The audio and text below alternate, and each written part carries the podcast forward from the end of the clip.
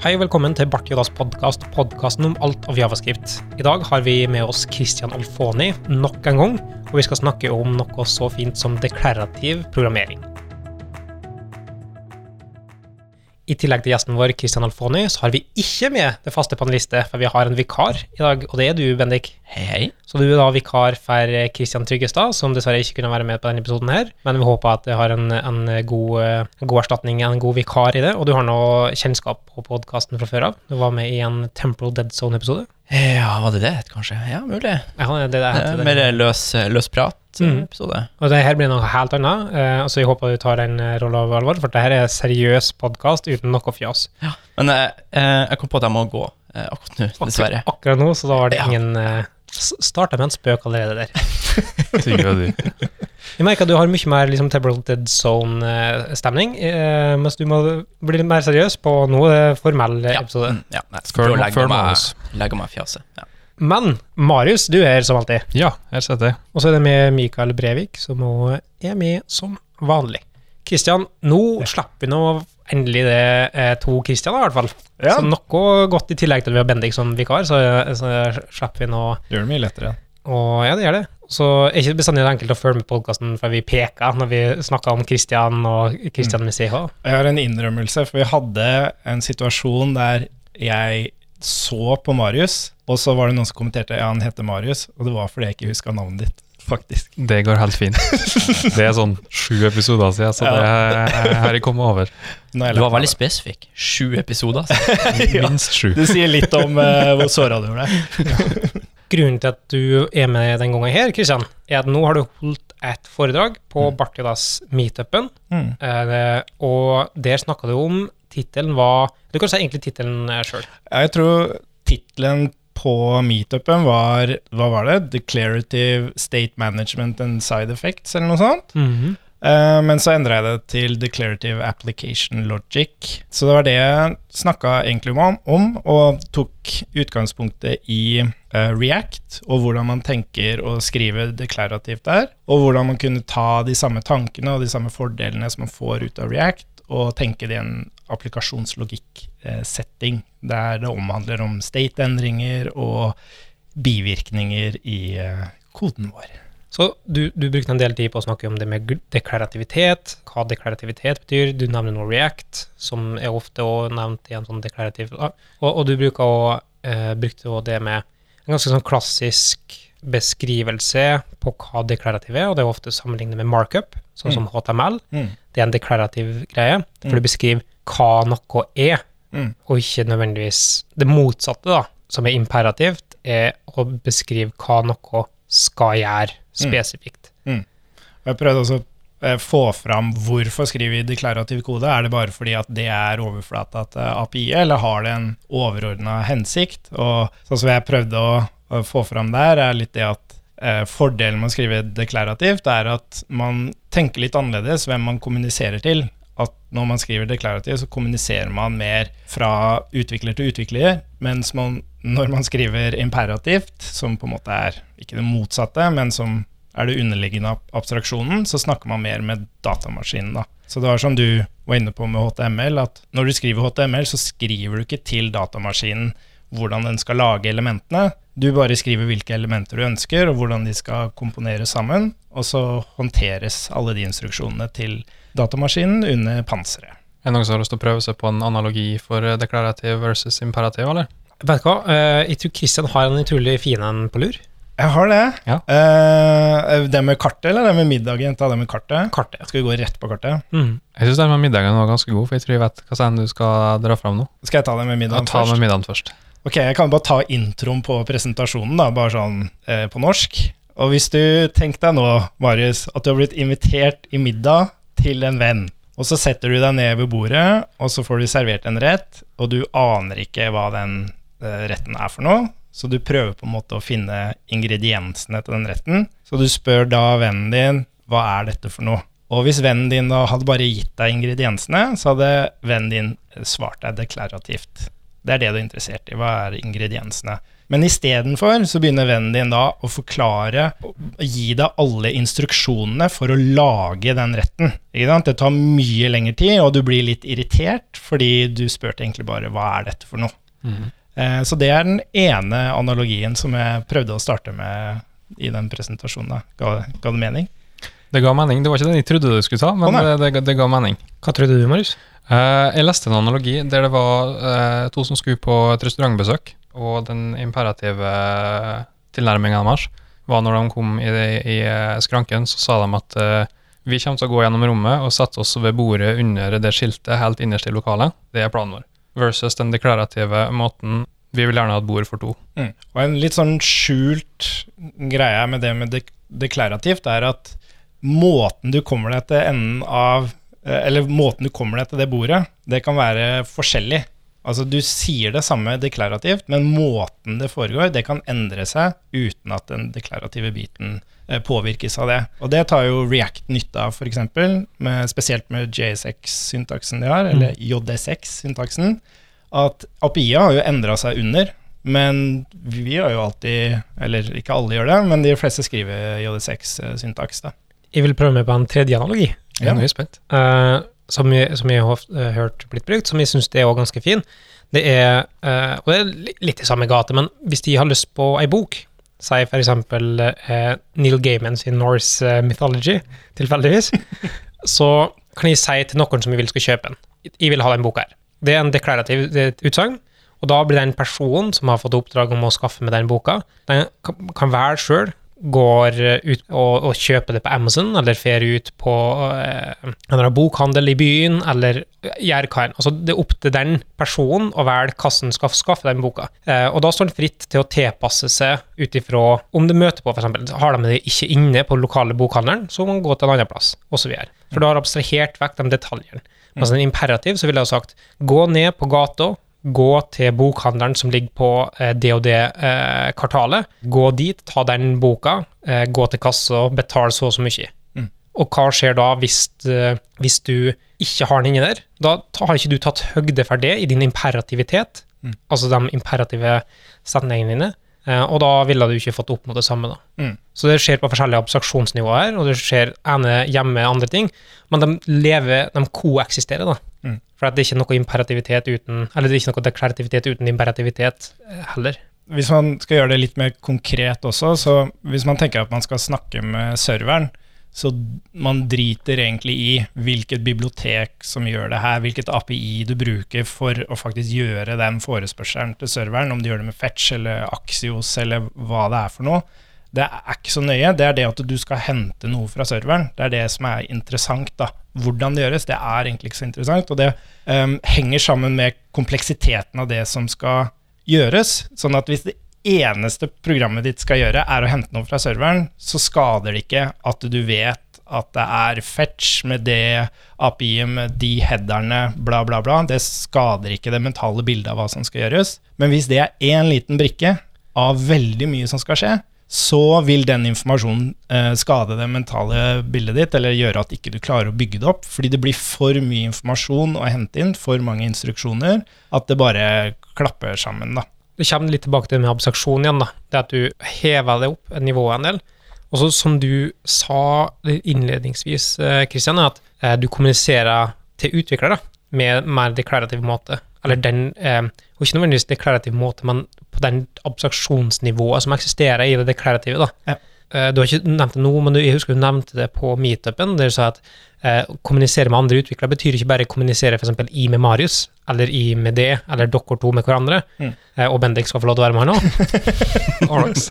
Eh, men det betyr å med seg sjøl over tid, Ja. eller eh, alle andre typer kommunikasjon. Det med, men det, det er en høyere nivå av forståelse, eller det, det er en mer, kall det, destillert eh, kodestil, da, Mm. som gjør at du leser det mer, og du kan bygge opp en mer mental modell i hodet som er lettere å skjønne. Mm. Det er nærmere, man kan si det er litt nærmere det naturlige språket man ville brukt bare for å snakke om hva som foregår. Eh, hvis du tenker imperativ, så må du forholde deg til navnet på API-metoder og options du sender inn, og, og alle disse tinga, mens på det deklarativt nivå så gjør man rett og slett ikke det. da. Man snakker om ting som om hvem som helst kunne på en måte forstå det. det du kan komme til et deklarativt nivå der du ikke trenger å være utvikler engang for å forstå hva som skjer i applikasjonen. Men det med, det med det nivået, da, det er derfor jeg syns den kartanalogien din var så spot on. Så jeg vil gjerne at du eh, Skal jeg ta den nå? sier den eh, i tillegg. Da- må- For den handler mer om leselighet. Ja,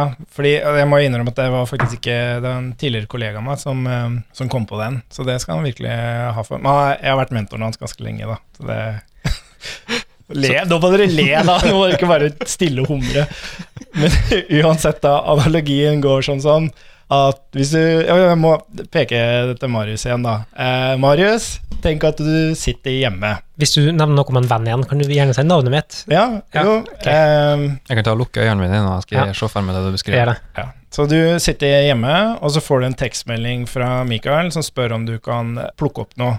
Eh, Og så får du en adresse, og så ser du at den adressen er i nabolaget, men du vet ikke akkurat hvor. Så du går inn på Google Maps, taster inn den adressa, og så får du opp eh, kanskje tre-fire instruksjoner på venstre side, at du skal liksom gå til venstre, gå til høyre. Og når du leser de, så umiddelbart bygger du det mentale bildet av hvor du skal. Du tenker ikke på de instruksjonene lenger, du vet akkurat hvor du skal gå og hente, hente det. Det var noe igjen. Og så er det neste situasjon. Det er hvis du er i utlandet, og så går du ut fra hotellet ditt, og så skal du på en restaurant på andre sida av byen, og du har ikke vært i den byen før. Du taster inn adressa til den restauranten, og så får du opp kanskje 20-30 instruksjoner om hvordan du skal komme deg dit. Og når du begynner å lese, så faller du ganske fort av. Du klarer ikke å bygge det mentale bildet av hvor du skal gå. Men det er derfor Google Maps har et kart. Det er for å bare gi deg umiddelbart det mentale bildet av hvor du er, og hvor du skal. Og det er en fin analogi for, med hensikten av deklarativ kode. Det er for å bare gi deg det mentale bildet umiddelbart av hva som foregår, eller hvor du skal, da, i kartanalogien. Så du ser det mye mer tydelig i en deklarativ lag oppå det. Sånn får du et visuelt bilde av hvordan det henger sammen, i stedet for å liksom måtte bygge opp den eh, sjøl. Men det betyr ikke nødvendigvis at instruksjonene ikke har verdi. Nei, absolutt ikke. Man må, altså man må jo fortelle maskinen hva den skal gjøre, til syvende og sist. I noen kontekster så, så går det litt av seg selv. Sånn, I forhold til HTML og sånn, så trenger man vanligvis ikke å skrive hvordan elementene skal lages. Mens i andre settinger så, så må man inn og gjøre den imperative biten. Du kan gjøre den ekstra innsatsen og legge det deklarative oppå for å rett og slett samle hva som skjer, så det skal være enklere å resonnere rundt applikasjonen din. da. Men der er en tanke som datt inn i hodet mitt akkurat nå. Men hvis man skal snakke fra et eh, kompetanseperspektiv, vil dere påstå at det krever mer kompetanse for å skrive deklarativ kode versus imperativ? Jeg synes det er et veldig godt spørsmål. Det jeg vil si at det, det krever enorm disiplin hvis man skal gjøre det uten å ha noe verktøy som hjelper deg å skrive deklarativt. Det føler jeg i hvert fall veldig selv. I hvert fall i forhold til applikasjonslogikk så starter det meste med bare en funksjon. Altså det skjer noe i appen, et trykk på en knapp eller respons fra WebSocket-beskjed eller et eller annet sånt, og så trigges det ofte en funksjon. Og så er spørsmålet hva gjør du med den funksjonen? Begynner du bare å skrive logikken din nedover? Lager du litt sånn små abstraksjoner her og litt sånn der? Du er veldig fri til å på en måte beskrive hva som skal skje, og det kan være fryktelig vanskelig, spesielt når du har ting som promises, f.eks., der du gjør en request, og så har du på en måte responsen derfra, og så skal du putte noe i en state store, men så trenger du noe utenifra, så du klarer ikke å Du, du må skrive alt i ett sett, da. Liksom 50 linjer med kode, f.eks. Uh, og det å på en måte unngå det, at du klarer å få hver eneste kodelinje til å bety noe, ikke bare være en del av Promise API eller Ja, hvis du skjønner hva jeg mener. Det er kjempeutfordrende. Jeg, jeg tror ikke det trenger å bety at du trenger mer kompetanse for å gjøre det deklarativt, Mm. men jeg tror det blir ofte forbundet med folk som har, skriver på en mer deklarativ måte, har mer kompetanse. Men jeg tror det er egentlig bare en konsekvens av måten det ofte tradisjonelt bygd opp opplæring av programmering på. da. Mm. Som er at vi starter liksom imperativt, og så går du over til å, å tenke deklarativt etter hvert. Men det trenger ikke være slik. Mm. Du må ikke lære imperativiteten på, på, på en måte først. Mm. Og jeg husker, eh, jeg tror ikke det er så eh, stygt å si, men jeg husker du slet litt med en forløk òg, Marius. Ja, det. Eh, Stemmer det? på, altså Marius gikk nå på høgskolen og universitetet i lag, og i første periode på høgskolen så husker jeg at du slet litt med å skjønne den for-løkkeren. Mm. Uh, og jeg, kunne, jeg, jeg tror jeg kan argumentere for at, eller i hvert fall skal jeg prøve å argumentere, for at hvis det hadde vært en deklarativ måte, så kan det hende at du hadde tatt det lettere. For det er litt mer oppbygd ofte til et naturlig språk, og imperativt og ofte mer systematisk. Det er mer sånn så skjer det, så skjer det, så skjer det, og det blir mindre naturlig av det. Mindre flyt i koden ofte, og det blir mer systemteknisk å tenke på en måte, så kan man være mer fjern tanke enn deklarativ kode. Altså, jeg tror det, som du sa da, Marius, med, med den kompetanse, og krever mer kompetanse, jeg, husker ikke nøyaktig eh, hva som du stiller spørsmålet, men jeg tror ikke det krever mer kompetanse, bare at vi assosierer det med da. Ja, men jeg ser samtidig for meg at spesielt i et begynnende stadie der man driver og lærer seg å programmere, så ser jeg gjerne for meg at folk har et behov for å, å forstå hva som skjer, altså den imperative delen av det, Mm. og ikke nødvendigvis helt klarer å akseptere at det her har ikke 100% kontroll på. Mm. Ja, men tror du ikke at det handler om abstraksjoner, sånn at du kan lære det på en, et nivå, og så kan du lære det detaljer igjen etter? For at det er bestandig et nivå under. Altså På et eller annet tidspunkt så sier du ok, nå skjønner jeg nok. Ja. Vi opererer ikke på, på laveste type nivåer. Sånn, så det er ikke nødvendigvis at du må skrive det imperativt for å skjønne det. Du kan skjønne når du skriver det deklarativt òg. Så helt konkret, da, så er deklarativt programmering ofte assosiert med funksjonell programmering mens imperativ programmering er mer assosiert med prosedyreorientert eller objektorientert programmering. Så det i seg er at du kunne ha lært funksjonell programmering fra starten av, uten å være flinkere i programmering for den grunn. Det er et godt poeng. Og det er mange skoler som, eh, eh, ikke nødvendigvis i Norge, men det begynner å komme i Norge òg, som starter med funksjonell programmering først, og argumenterer for at det er en lettere vei til å lære seg programmering. Hva tenker du om eh, Minecraft og spill?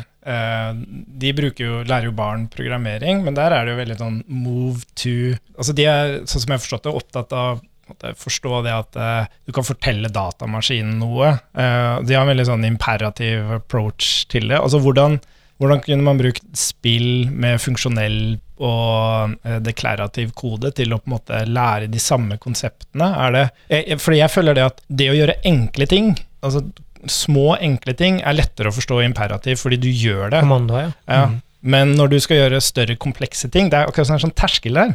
Plutselig så bare Ops, nå ble det fryktelig vanskelig å forstå det imperativ. Nå må jeg ha noe abstraksjon over som er deklarativ, som på en måte samler opp essensen av det som foregår. da. Hva, hva er det? Samtidig, SQL er et deklarativt språk, Ja. men du skriver ikke komplekse ting i det nødvendigvis, eller du kan jo gjøre det, men da blir det verre enn å skrive det.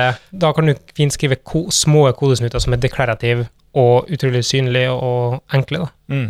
Men jeg, jeg så en eh, video av han eh, godeste Fun Fun Function i dag, Ja. eh, som handla om eh, deklarativ kode.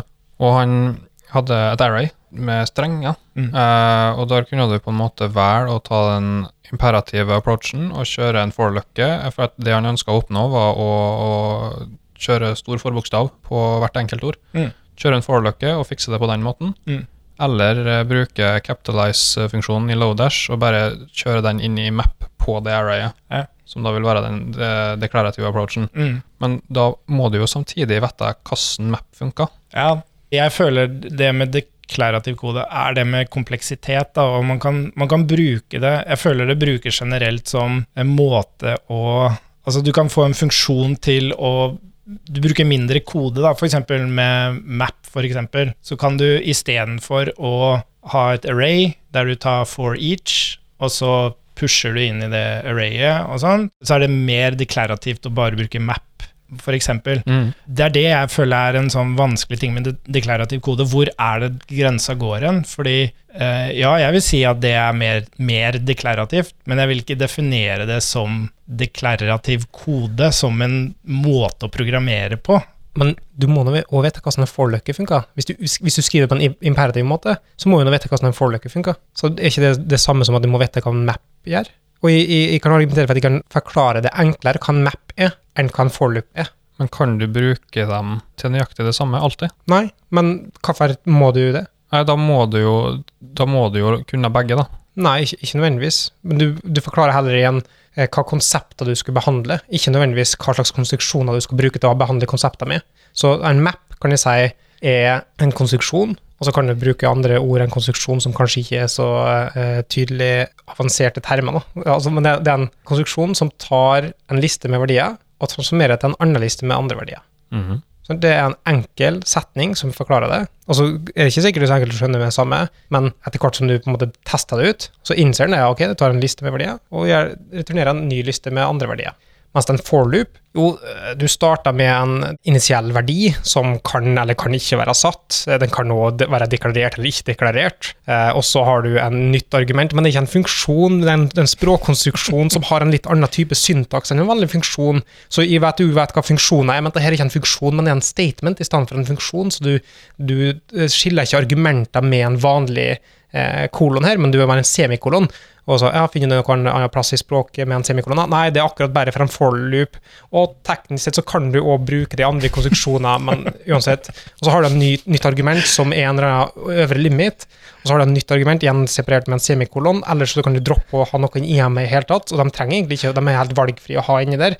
Og så skal du da gjøre en eller annen endring på det siste argumentet, som da muterer inn der, og så automatisk hver gang du eh, går gjennom her, så vil du gjøre den endringen. Altså, skjønner du poenget mitt? Det er en utrolig komplisert konstruksjon å ha i språket, som er helt annet enn resten av byggeklossene i språket, som forutsetter at du må lære den på mye mer eh, nivå enn, du gjør med også, den andre. og så er det du må lese mer for å forstå hva den gjør. Og det tror jeg er noe av essens med deklarativ kode. Hvis du har map, og du vet Du må vite hva map gjør, men når du leser da map, så vet du med en gang hva den gjør. Mens hvis du har en forløkke, som du sier, den kan jo være kjempekompleks, du må gjennom alt sammen for å forstå hva er det den egentlig gjør for noe, og den kan gjøre masse rart. Den kan jo plutselig stoppe midt inni, eller whatever, da. Men en ting som jeg føler faller veldig fra i hele den deklarativ praten, det er det at det ofte havner på map, filter, reduce, Mm. det å transformere verdier. Og det er veldig fine eksempler for deklarativ kode. F.eks. hvis du har en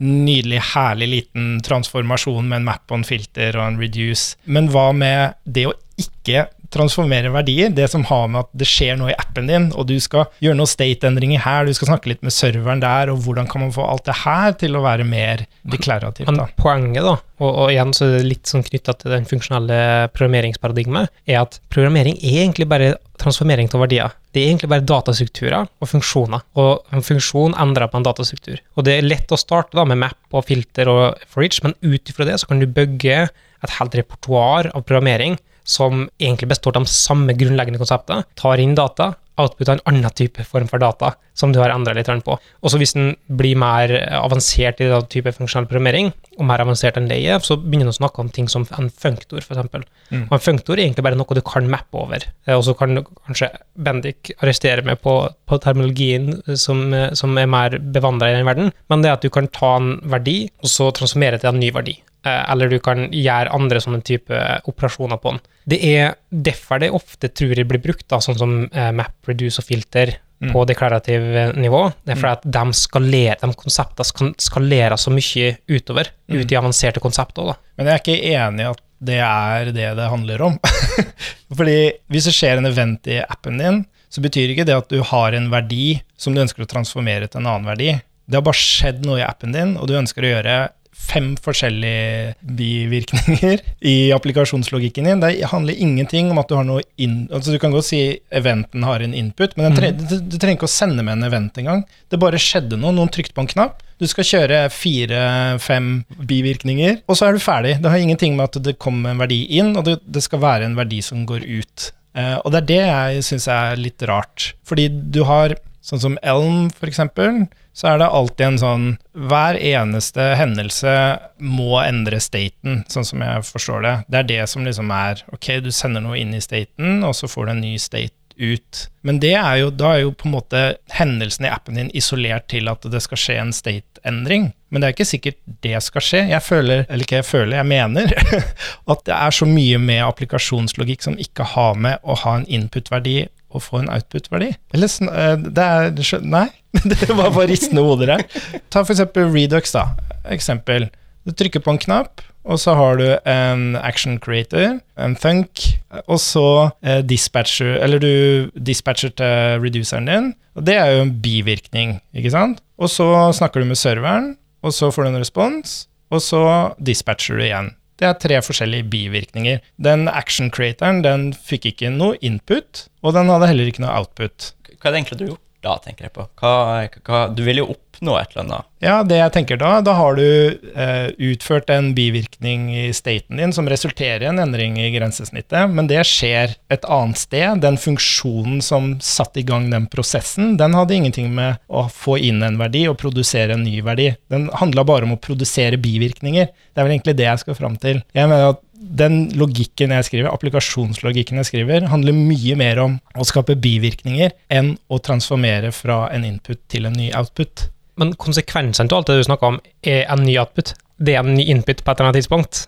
Uh, ja, du sender det via andre plasser, men, men, det er fortsatt bare datastruktur som du da sender til en plass. og om det, altså, Hvis du abstraherer vekk bivirkninger, mm. så er det samme om det skjer der, eller altså hvor det skjer hen. Og si eventer er nå egentlig bare lister, bare at du har eh, x antall tid imellom hvert element du har innpå der. Mm. Men det er ikke noe som konseptuelt skiller eventer fra en liste. Men ville du Jo, men det er det jeg mener. Ville du noen gang mappa, brukt map eller filter eller reduce for å beskrive en redux thunk. Det er jo bare en funksjon du kaller som bare gjør bivirkninger. Det har liksom ingenting med det en, konseptet en, å gjøre. En thunk i seg sjøl er bare en som deferrer eh, verdien, eller deferrer invokasjon til en ting. Altså, teknisk beskrivelse til en thunk er en konstruksjon som tar inn argument og returnerer en tom funksjon.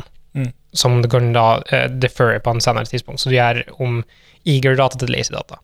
På en måte så er en promise en samme, en samme type thunk. Den gjør bare at den er jo eager sånn sett, da. Men en promise er en slags thunk, der du, du kan uh, helle på tilstanden, og så uh, få tilstanden ut i ettertid. Mm. Og da kommer vi tilbake til at en promise er en slags mappable konstruksjon igjen. Mm. Og da er det jeg snakka om funktorer igjen i stad. Det at du kan mappe over det for å lage en ny entitet på, på, basert på det. Mm. Og sånn sett så kan du tenke på at du abstraherer vekk tid fra asynkrone verdier, og så opererer du bare på verdier innover, nedover, vendables eller eh, mappables igjen og igjen og igjen. Da. Mm. Så da har du tatt vekk igjen den bivirkningstingen til det, og du bare tenker på det egentlig som en liste med verdier som du behandler.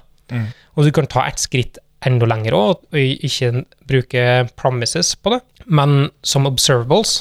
Og da er det eh, samme opplegget, og det en deklarativ måte for å håndtere sammensveising av Eller for å koordinere, egentlig, forskjellige asynkrone verdier. Det er for å abstrahere vekk den, den uh, tid fra en aspekt og behandle det som vanlige lister. Mm. Og igjen så handler det om at du har lister eller datastrukturer som du behandler og autobytter på en annen liste og datastrukturer. Ikke sant? Og der er jeg helt enig i at hvis du hooker på uh, RX i ODS f.eks., hvis du behandler de knappetrykka som en stream med eventer, og så har du RxJD som sitter der og venter, og så mapper du til et Ajax-kall, f.eks. Du får en verdi, og så mapper du det inn til en, en, funksjon, inn i en reducer som endrer staten din. Litt sånn Cycle JS-tankegang. Men da er det plutselig helt andre type problemer som jeg ikke forstår, og det er inni denne mappen, da, der du mapper til et Ajax-kall.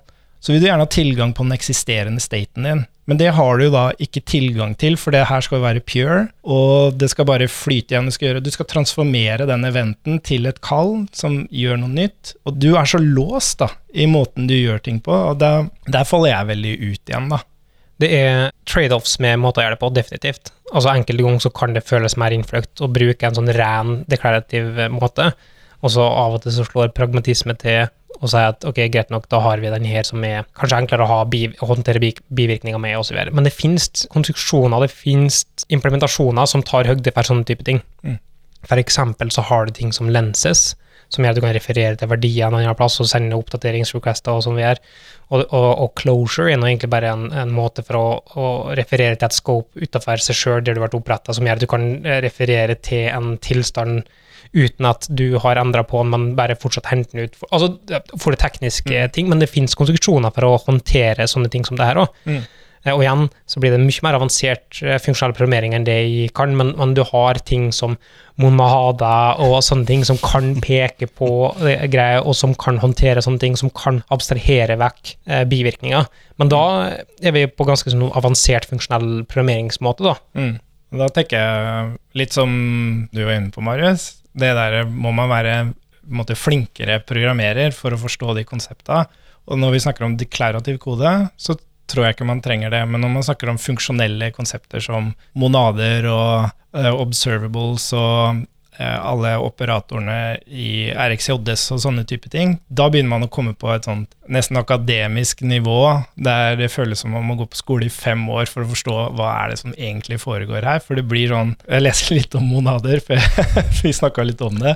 Men det blir sånn abstraksjon på abstraksjon på abstraksjon. Mm. Bitte, bitte små abstraksjoner som gjør at det blir superkraftig. Men å forstå det, det er eh, ikke enkelt, syns jeg. Jeg har, ikke, jeg har ikke lyst til å snakke for mye om funksjonell programmering, for det er en herlig episode i seg sjøl. Vi prøver å fokusere på deklarativ kode her, men det vil si at funksjonell programmering har den ulempa med at matematikeren fant opp først. Eller de kom, kom til fagfeltet først. Ja.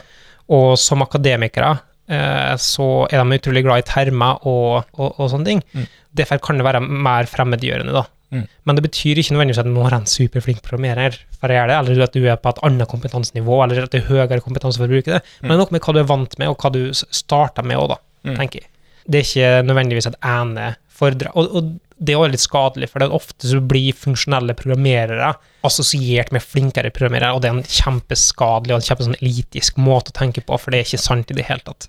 En ting jeg føler vi har vært eh, veldig inne på her, det er det å komme til essensen i hva som skjer. Vi har snakka om ingredienser, og sånn som du, Marius hadde et eksempel med at du har map, og så refererer du bare til en funksjon. Det er det at på hver linje med kode så skal det bare være essensen av det som skjer. Det skal ikke være masse instruksjoner som ikke er relatert til hva som skjer, det er bare hvordan det skal skje.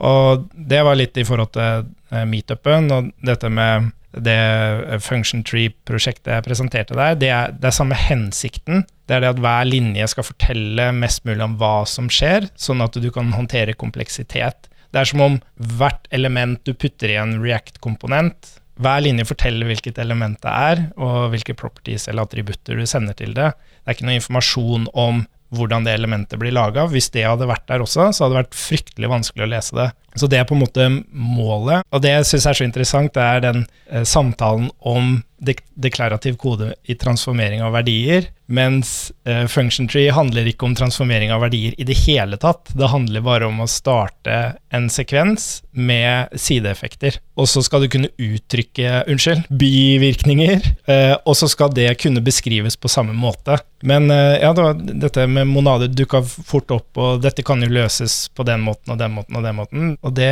det er jeg helt sikker på at det kan også. For meg så er det vanskelig å se hvordan disse andre verktøyene kan løse de tinga som, som jeg snakka om. da.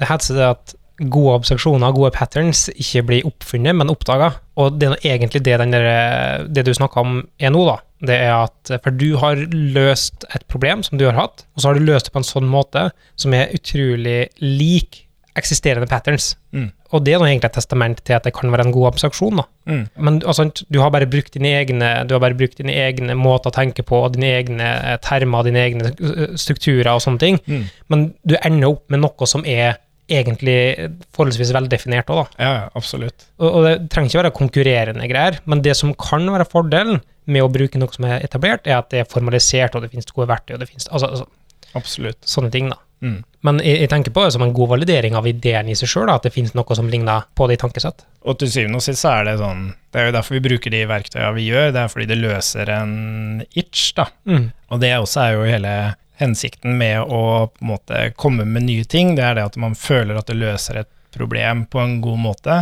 Og så er det jo opp til ens erfaringer og hvilke utfordringer man har selv, som påvirker om det er noe man ønsker å se på eller bruke, eller hva enn. Ja. En ting som jeg har tenkt på mens dere har sittet og snakka her, er eh, Vi har snakka ganske positivt om deklarativ programmering nå eh, ganske lenge. Da sitter jeg igjen med en sånn tanke som trenger vi egentlig imperativ programmering? Er ikke deklarativ programmering, kan ikke det gi oss alt? Det høres jo bare positivt ut. Jo, det er sant det. Og det jeg tror da, hvis man tenker veldig langt framover, så kommer ikke vi til å programmere lenger. Vi kommer ikke til å sitte og skrive instruksjoner til en maskin i det hele tatt. Vi kommer bare til å fortelle hva, hva er det vi vil ha, og så vil det bli produsert automatisk. Og eh, det er å se veldig langt fram. Men det er på en måte Vi bygger abstraksjon på abstraksjon på abstraksjoner på abstraksjoner, og de blir mer og mer hva er det vi ønsker skal skje, istedenfor hvordan det skal skje. da. Jeg, tror- jeg tror ikke nødvendigvis realiteten egentlig Altså, noen kommer til å måtte skrive noe på et eller annet tidspunkt som er et lavere nivå enn det vi opererer på. Deklarativ programmering og funksjonell programmering har eksistert lenge. Det har eksistert like lenge som, som eh, imperativ programmering, i hvert fall sirkus, cirka. Det er noe som ikke er nytt i det hele tatt. Det er sånn 70-tallsgreie, sånn som alt annet i programmering er. Men det har fått en sånn ny det har en renessanseperiode nå, som gjør at det har blitt utrolig populært de siste fem åra. Og litt av det er nå på grunn av at maskinene våre har blitt mye mye kraftigere, som gjør at vi kan operere på det abstraksjonsnivået. For deklarativ programmering i utgangspunktet er noe som er litt tyngre enn uh, f.eks. imperativ kode. Imperativ kode så har du det på lav, lavere nivå, eller et sånn detaljstyringsnivå. Det er klart at hvis jeg vet best hvor en bok blir kjøpt, da hopper jeg tilbake til analogien min, en røde tråd. hvis jeg vet best hvor den boka skal bli kjøpt, for det er, er det billigst, eller der har de signerte utgaver, etter annet, så er det imperative instruksjonene absolutt best. Mm. På et eller annet nivå så møter du et trade-off der, da. Sånn eh, performance og korrekthet versus deklarativitet og objektoppnåelse, eller kall det hva du vil. da. Sånn at deklarativ kode eller funksjonell kode er ofte uh, mindre performant, for du, du har, hvis du har uh, immutabel data, så er du mye mer avhengig av å opprette nye datastrukturer. Altså finnes det abstraksjoner som gjør at det blir bedre med sånn persistent data structures videre. Uh, men, men, det er overlatt igjen mer til garbage collecting, som gjør at og Det blir mye ranting på, på det, men poenget er at det tar mer ressurser ofte. Men du kan få andre ting ut av det, som gjør at det kan være verdt kostnaden. Mm. Men i andre tilfeller, eh, og særlig da spillutvikling er det ofte brukt som en sånn imperativ eh, greie, eller lavnivåting, eh, imperativ greie. Og så mange plasser der imperativ fortsatt kommer til å være en greie, og det er i aller høyeste grad en greie noe som vi trenger.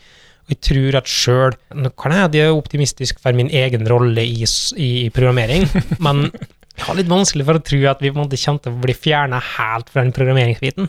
Og så lenge det vil være programmering, så må noen nå jobbe på et imperativt nivå. Ja, men jeg tror de er mye smartere enn oss. Sånn. men det som også er interessant, som vi også er verdt å nevne når man har den abstraksjonen, den uh, deklarative abstraksjonen, er det at man har Og dette leste jeg også om um, disse monadene, at man har hooks. Uh, man kan måtte inters, Hva heter det på norsk? Intercepte. Ja, det er norsk, det tror jeg interseptere, mm. og man kan sende ut altså For å si det kort, da. Uh, man får debugging-verktøy som er Feilsøking. Feilsøking. Ja. Uh, feilsøkingsverktøy. Sånn som man ser React-debuggeren og sånn som, sånn som jeg viste på meetupen med det debuggerverktøy, uh, unnskyld, feilsøkingsverktøyet der.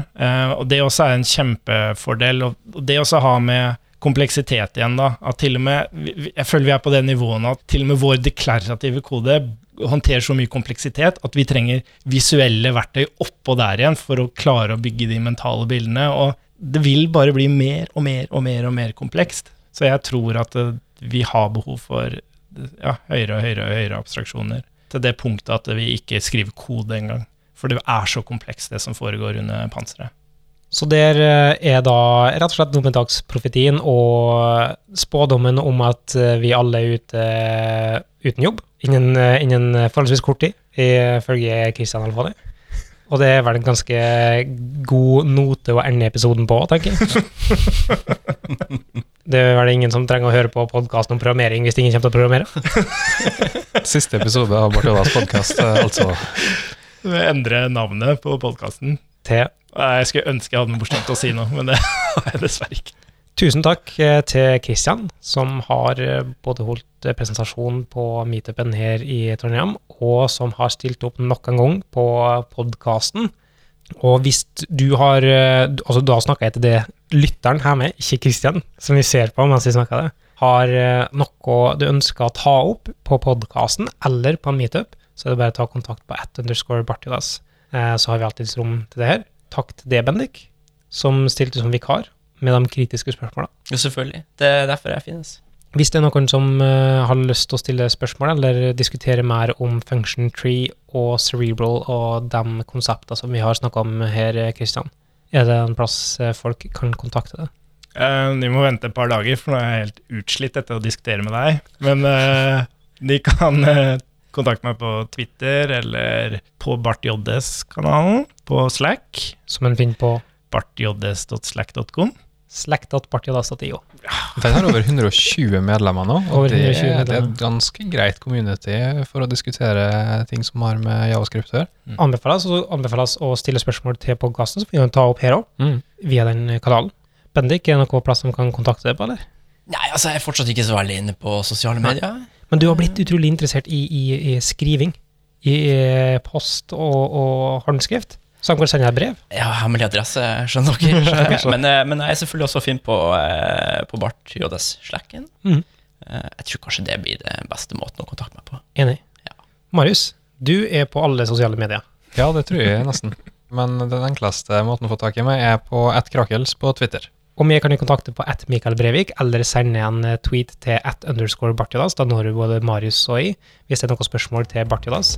Takk for at du hørte på. Så høres vi i neste episode.